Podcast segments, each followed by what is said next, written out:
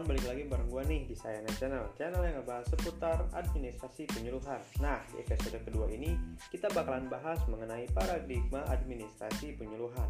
Paradigma dalam disiplin intelektual adalah cara pandang orang terhadap diri dan lingkungannya yang akan mempengaruhinya dalam berpikir, bersikap, dan bertingkah laku.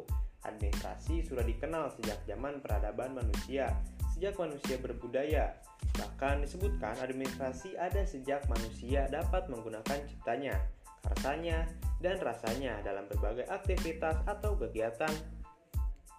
Administrasi ada pada dua orang atau lebih dapat memindahkan satu benda dari tempat satu ke tempat lainnya. Dengan kata lain, administrasi diartikan sebagai kerjasama yang dilakukan oleh dua orang atau lebih dalam rangka mencapai satu tujuan yang sama. Pada saat manusia hidup, nomaden berpindah-pindah dari satu daerah ke daerah lainnya secara berkelompok. Pada saat itu administrasi terjadi seiring dengan perkembangan teknologi dan informasi serta revolusi berpikir manusia. Maka administrasi pun mengikuti perubahan dan perkembangan sesuai zamannya sampai dengan saat ini di revolusi industri 4.0 di mana semua kegiatan administrasi serba online. Hal ini semakin memudahkan manusia dalam mempengaruhi kebutuhannya baik secara fisik maupun non fisik. Nah, secara umum dunia manajemen atau administrasi e, menggunakan prinsip POAC ya atau planning, organizing, actuating, dan controlling. Prinsip manajemen ini banyak digunakan oleh organisasi dewasa untuk memajukan dan mengelola organisasi mereka. Nah, bagaimana penjelasannya? Mari kita simak untuk penjelasan POAC ini. Nah, kalau berbicara mengenai administrasi, tentunya kita sudah tahu mengenai apa itu POAC. Yang pertama ada planning. Planning meliputi pengaturan tujuan dan mencari cara bagaimana untuk mencapai tujuan tersebut. Planning dipertimbangkan sebagai fungsi utama manajemen dan meliputi segala sesuatu dan manajemen eh, yang dikerjakan. Di dalam planning, Manajer memperhatikan masa depan, mengatakan ini adalah apa yang ingin kita capai dan bagaimana kita akan melakukannya. Nah, terus yang kedua ada organizing. Organizing ada proses adalah proses dalam memastikan kebutuhan manusia dan fisik setiap sumber daya sedia untuk menjalankan rencana dan mencapai tujuan yang berhubungan dengan organisasi.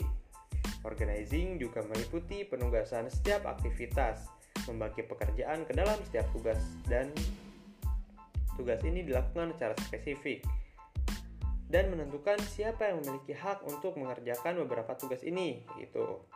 Nah, terus selanjutnya ada actuating. Actuating itu adalah perencanaan dan pengorganisasian yang baik. Kurang berarti bila tidak diikuti dengan pelaksanaan kerja. Untuk itu, maka dibutuhkan kerja keras, kerja cerdas, dan kerjasama semua sumber daya manusia yang harus dioptimalkan untuk mencapai visi, misi, dan program kerja organisasi. Pelaksanaan kerja harus sejalan dengan rencana kerja yang telah disusun, kecuali memang ada hal-hal khusus sehingga perlu dilakukan penyesuaian. Selanjutnya yang terakhir ada controlling.